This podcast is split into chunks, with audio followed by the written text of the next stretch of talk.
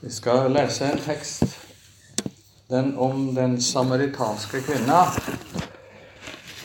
Og hun var også en av de som Jesus gikk en uvanlig vei for å møte, for han ville ikke miste en eneste en. Det var ikke den veien om Samaria de pleide å gå, men så gikk han en annen vei. Sikkert av flere grunner, men også fordi han ville finne denne forkomne kvinna. Og så får vi lese, og så ber vi etterpå om at han også må uh, komme og finne oss. Vi skal lese altså ifra Johannes 4, ifra vers 5, og der står det slik i Jesu navn. Han kom da til en by i Samaria som heter Sykar. Den ligger i nærheten av det jordstykket Jakob ga sin sønn Josef. Der var Jakobs brønn.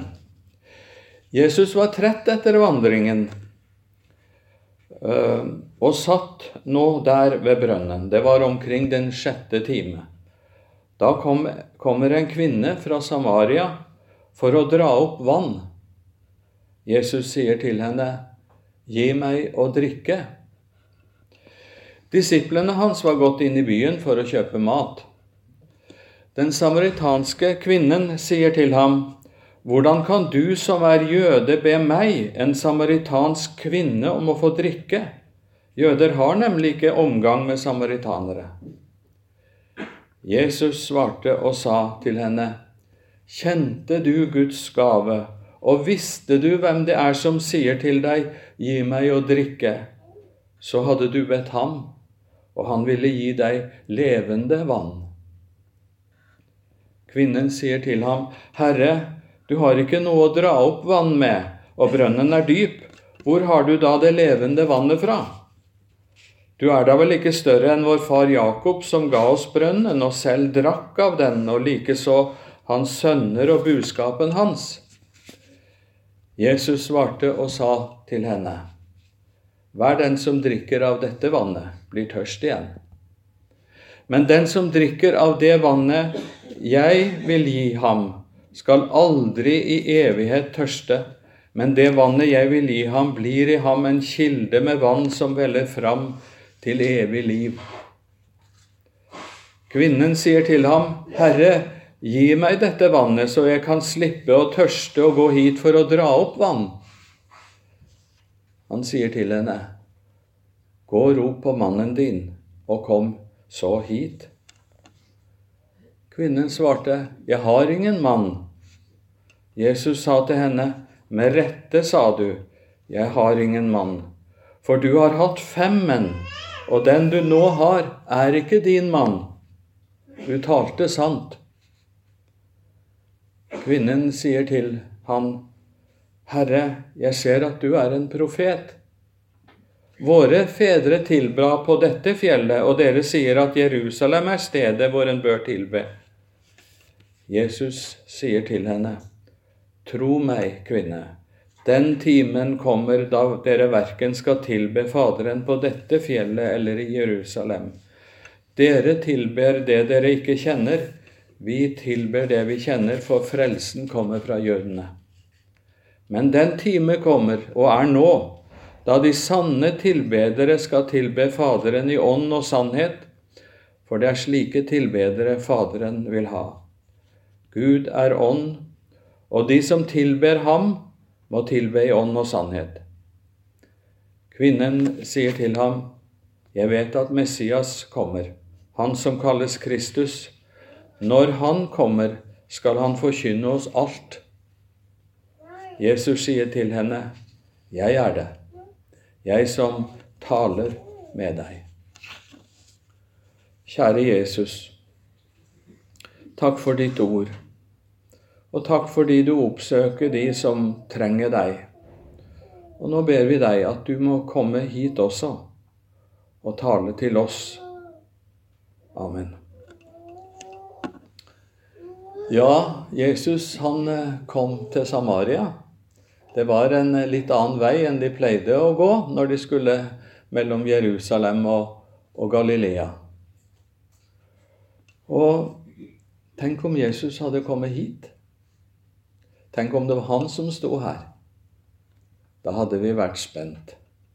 Hva vil han si til oss nå? Men så står det noe om i Bibelen at når Guds ord taler, så er Jesus der. Og så er det forhåpentlig slik at vi taler Guds ord, og at Han kan tale til deg nå i dag. Jeg hadde lyst til å si litt om det først. I 2. Korinterne 5,20 så står det et ord som dere kjenner godt. Så er vi da sendebud i Kristi sted, som om Gud selv formaner ved oss. Er det sant? Er det sant at når, for, når Guds ord forkynnes, så er det Gud selv som formaner? Og det er Gud selv som taler. Tror du det? I, i Romerbrevet kapittel 10 så står det men rettferdigheten av tro sier, si ikke i ditt hjerte, hvem skal fare opp til himmelen det vil si for å hente Kristus ned, eller hvem skal fare ned i avgrunnen, det vil si for å hente Kristus opp fra de døde? Men hva sier den? Ordet er deg nær, i din munn og i ditt hjerte. Det er troens ord, det som vi forkynner. Tror du det? Tror du at det er slik at du ikke skal fare opp til himmelen eller fare ned i avgrunnen for å møte Jesus, men at når ordet forkynnes, så er det Han som kommer. Så er Han her, så sant ordet forkynnes. Tror du det? Og så står det et, et, ord som jeg har tenkt mye på, som står i første Johannes brev, helt i begynnelsen der så forteller Johannes om at han hadde møtt Jesus, han hadde vært sammen med han, han hadde sett han, han hadde betraktet han, og hendene hadde tatt på han, sier han. Og så kaller han ham for livets ord. Og så sier han Det som vi har sett og hørt, det forkynner vi dere. For at også dere kan ha samfunn med oss. Og vårt samfunn er med Faderen og med Hans Sønn Jesus Kristus. Det Johannes forkynner, og det som skjer når Guds ord forkynnes, så har vi samfunn med hverandre. Og så har vi samfunn med Jesus og med Gud. Det er det Johannes sier så er han her. Og så vil han tale med deg. Han kom ikke bare til Samaria. Han kom til Vigrestad. Han kom til Misjonshuset. Og så vil han gi det levende vannet til deg og meg i dag. For han er her, så sant Guds ord blir forkynt. Eh, nå er det vel slik at eh, også når en forkynner, så behøver det ikke å være Guds ord. Derfor så står det om, om disse i Tessalonika. De hørte Guds ord, og så gikk de og så om det stemte. Om det var i samsvar med Guds ord. For det er, det er da det som vi har snakka om, gjelder. Om det er i samsvar med det som står her. Og Når Jesus taler til oss, så spør han av og til om du vil gjøre noe for ham. Han kom til denne kvinna, og så spurte han, 'Kan du gi meg litt vann?' Kanskje ber han deg om å være med og gjøre en tjeneste, kanskje her i forsamlinga, kanskje på misjonshuset eller i en annen sammenheng, kristen sammenheng. når Guds ord lyder, så kommer det ofte et kall ifra Gud til den som hører, slik som det skjedde her ved brønnen. Og så er det litt tankevekkende at når han gjør det, og i den samtalen så sier han også Kjente du Guds gave, og visste du hvem det er som sier til deg, gi meg å drikke, så hadde du bedt ham, og han ville gi deg levende vann, og det vannet jeg vil gi, blir i ham en kilde med vann som veller fram til evig liv. Når Gud, når Jesus ber deg om å gjøre en tjeneste for Han, så sier han, så hadde du spurt Han, og Han ville gi deg. Det er en sammenheng der som, som er viktig å huske på.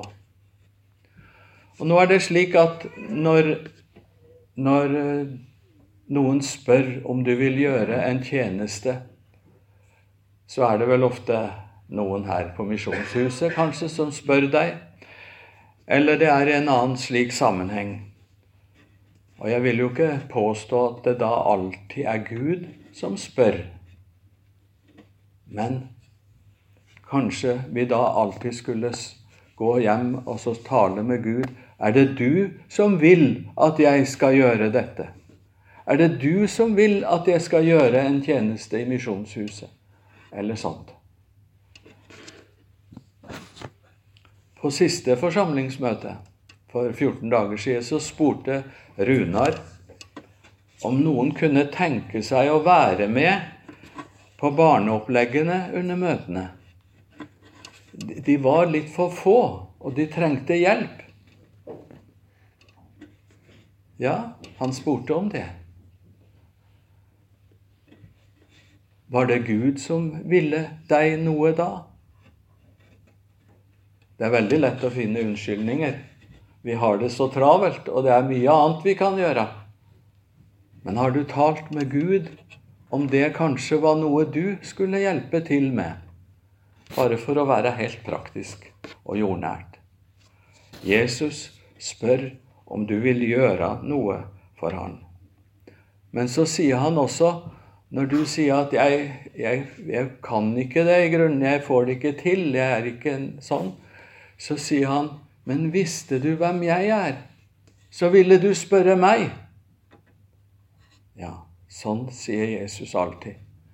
For når du skal gjøre ei tjeneste for Jesus, så er det ikke det du har, som du skal liksom komme med, men det er det Han vil gi deg. Det er alltid slik at vi må få det av Jesus for å gi det videre. Og det er bare da Guds rike blir bygd. Og så er det viktig å tenke over at tjenesten som vi får, det er ikke noe vi gjør for Misjonshuset eller for Misjonssambandet eller hva det nå kan være. Men det er for Jesus. Det er for Jesus. Så er det viktig at vi tenker at nå, ikke tenker at nå skal vi ta en tørn. Vi skal ta vår periode, og så er vi ferdig. Nei, sånn er det ikke. Jesus vil ha deg i tjeneste hele livet. Oppgavene kan være forskjellige, men, eh, men han vil at du skal leve for han hele livet.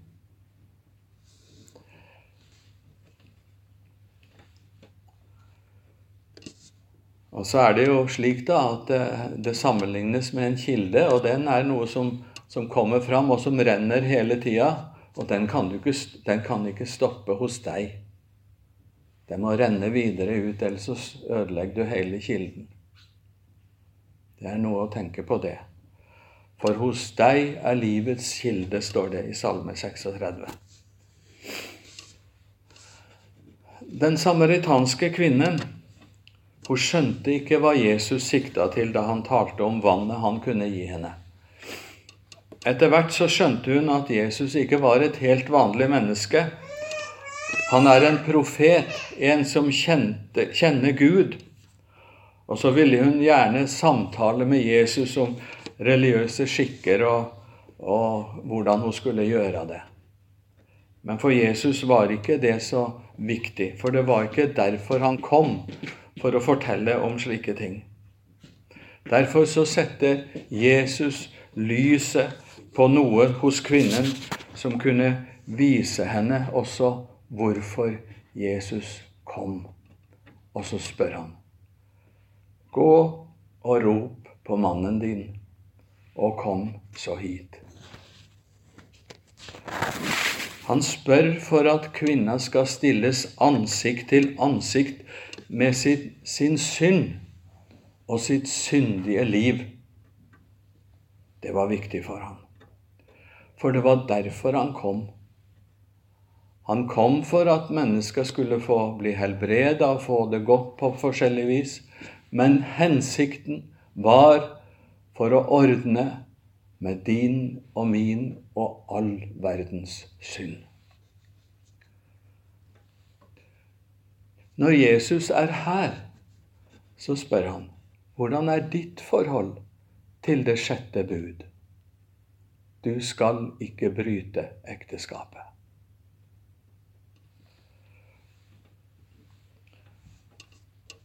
Det budet brytes ikke bare ved at en mann går inn til en kvinne som ikke er hans, og driver hor. Jesus sier at hver den som ser på en kvinne for å begjære henne, har allerede brutt ekteskapet med henne. Det er mye urenhet hos menn i hjertet. Vi leser om det i avisene òg. Det er mye urenhet. Og jeg tror vel også det gjelder kvinnene. Nå er det her akkurat det sjette budet som omtales. Men det er mange bud. Det er mye Gud vil at du skal gjøre, og du skal ikke gjøre. Hvordan er det med ditt forhold til de andre budene? Du skal ikke ha andre guder enn meg. Du skal ikke misbruke Herren din Guds navn. Og det er åtte andre bud også. Da de budene ble gitt, så ble det sagt Gud er kommet for å prøve dere, for at frykt for ham skal være over dere, så dere ikke synder. Jesus han sammenfatte alle budene, og så gjorde han dem om fra 'du skal ikke' til at 'du skal'. Og så sa han at 'du skal elske Herren din Gud av hele ditt hjerte' og av hele din sjel og av all din forstand. Dette er det første og største budet. Men et annet er like stort. Du skal elske din neste som deg selv. Jesus mente det han sa. Du skal elske Gud av hele ditt hjerte og av hele din sjel og av all din forstand. Og du skal elske din neste som deg selv. Og så sier Jesus det for at frykt for ham skal være over deg, så du ikke synder. Og så stiller han på en måte det samme spørsmål til meg og til deg som han stilte til den samaritanske kvinnen. Og så spør han deg, kan du komme med de tider da du elska deg selv mer enn Gud? Kom hit med de. Og kom hit med de stundene når du elska deg selv mer enn din neste. Jesus mente det han sa. Og jeg er redd det blir mye å komme til Jesus med.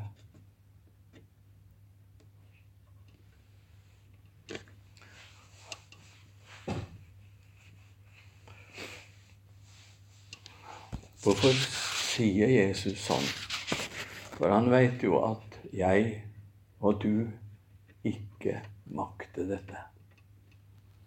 Vi har ingen sjans. vi kan nok la være å stjele i det ytre og gå og ta noe med henda. Men hvor er Når vi ser på hjertet vårt, og misunnelsen og hovmodet og alt det som Gud ikke vil skal være i hjertet vårt. Det blir mye å komme til Jesus med. Per Nordsletten synger en sang ifra hode til fot, hjertets innerste rot, kun en eneste masse av synd.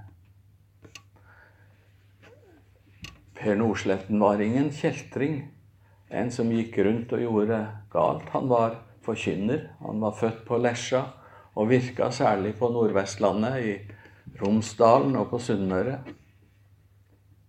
Og allikevel så sier han det. Går det an å si sånt? Kan jeg si at jeg ser utover en forsamling som er bare sånn, fra hode til fot, hjertets innerste rot?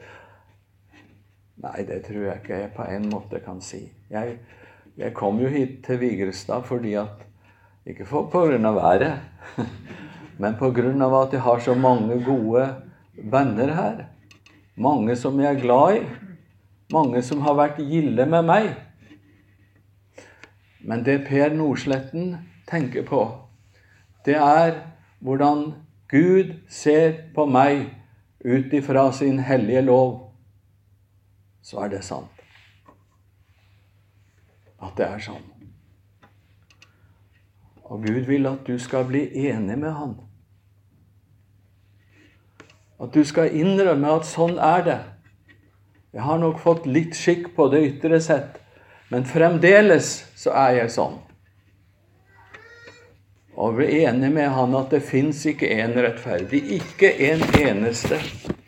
Det er ikke én forstandig, det er ikke én som søker Gud. Alle er veket av, alle sammen er de blitt udugelige. Det er ikke noen som gjør det gode, ikke en eneste. Slik står det i Bibelen. Har du noen gang vært i det lyset ifra Gud, og du har oppdaga det? Og blitt enig med Gud.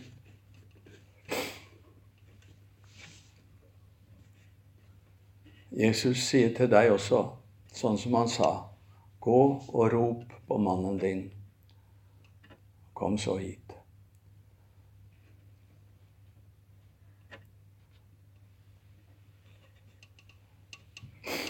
Han ville så gjerne at du skulle si som denne samaritanske kvinna, som hun sier litt senere etter teksten vår Jesus har sagt meg alt jeg har gjort. Ja. Han ville at du skulle si til han Jesus har vist meg hvordan jeg egentlig er.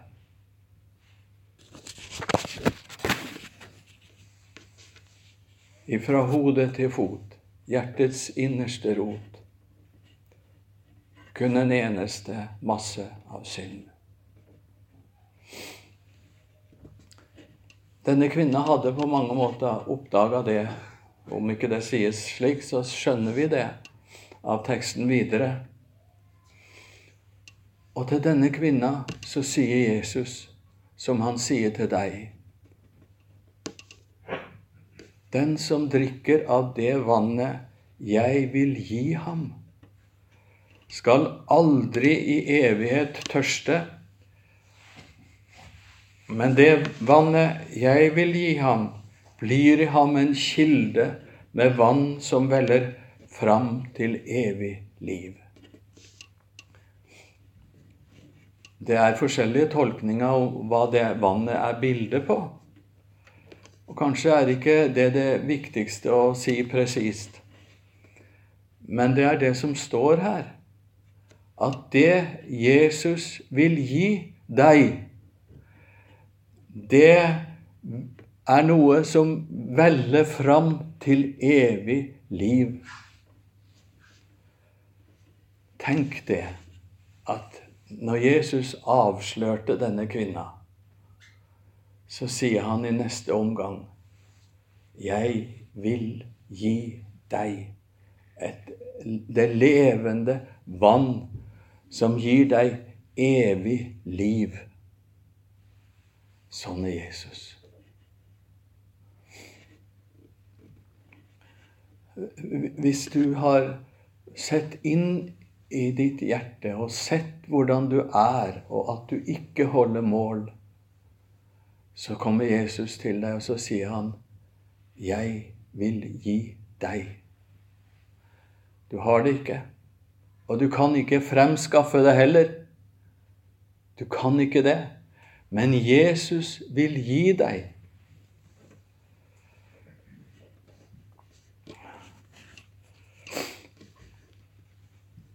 så er Jesus her, slik han var der ved brønnen i Samaria.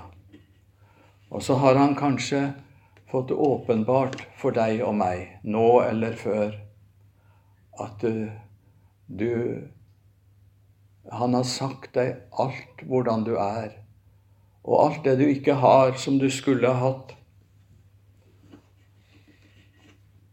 Og så er du dømt og så kommer han og vil gi deg levende vann. Det Jesus taler om, det har jo ikke noe med det ytre vannet å gjøre. Det som jo vi alle bør drikke, det har vi lært. Men dette har med det vannet som, som, tørs, som slukker den tørsten som kvinna fikk da hun oppdaga at Jesus har fortalt henne og hadde avslørt henne. Den tørst som gjør at den kommer i nød på grunn av synd, på grunn av at den ikke holder mål.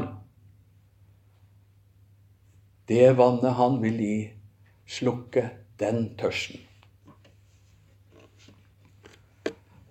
Johannes vil i fortellingen om den samaritanske kvinne gi oss langt mer enn en liten episode fra Jesu liv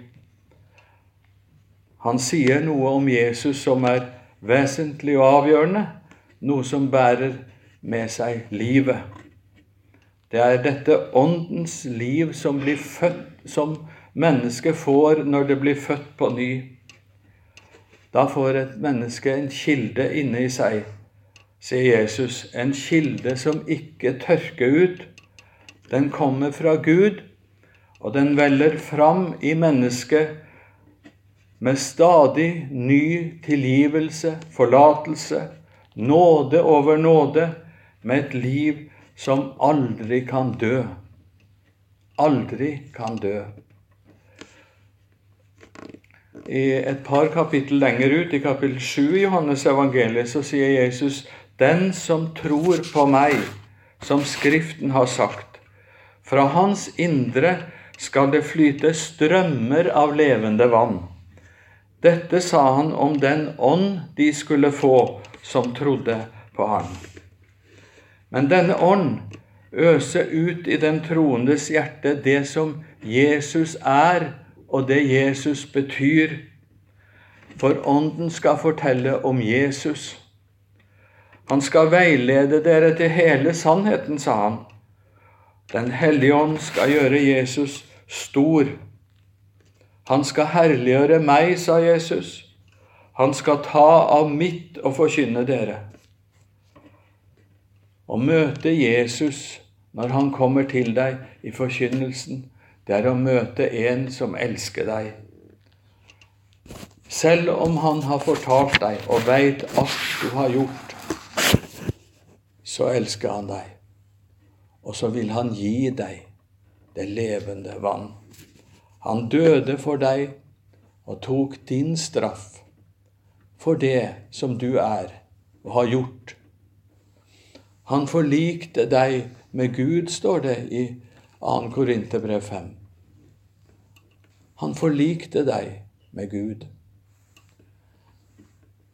Og Gud har godtatt den forlikelsen. Forliksbrevet ligger hos Gud, og Gud har sagt ja og amen til det. Derfor så sier Jesus til oss, forlik deg nå med Gud. Du også må forlike deg. Og hva skal du komme med for å bli forlikt? Nei, du er for seint ute. Forliksbrevet ligger der, og du kan få sette ditt navn under på Jesu regning. Det er han som har ordna det, ikke du. Du kan ikke ordne det, men han har ordna det. Han har gjort det fullkomment. Er det ikke ufattelig at en som vet alt du er, og alt du har gjort, han som kjenner ditt hjerte og vet hvordan du er, han ber deg, forlik deg nå med Gud. Gud er allerede forlikt ved det Jesus har gjort.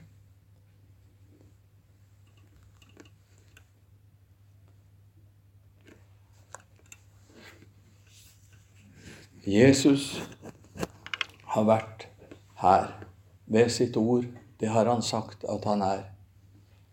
Og så har han fortalt deg hvordan du er, og så sier han, 'Jeg vil gi deg det som skal til for at du kan bli salig'. Ta imot det, det levende vannet. Kjære Herre Jesus, vi takker deg for ditt ord. Takker deg for alt du har gjort for oss. Takk for at du har vist oss hvem vi er, slik at vi ikke går oss vill. Du vil gi oss det som kan berge oss, og som kan gjøre oss salig. Og vi takker og priser deg for det, Herre. Så ber jeg for denne forsamlinga, for alt som foregår her på Misjonshuset. Herre, måtte du ved din ånd få tale ditt ord til oss i alle sammenhenger, slik at vi kunne nå målet, få del i det evige liv, få del i det levende vann. Vi ber for barna som er oppe på søndagsskolen. Vi ber at også de må få lære deg å kjenne, slik at de aldri går bort ifra deg, men blir hos deg til evig liv. Amen.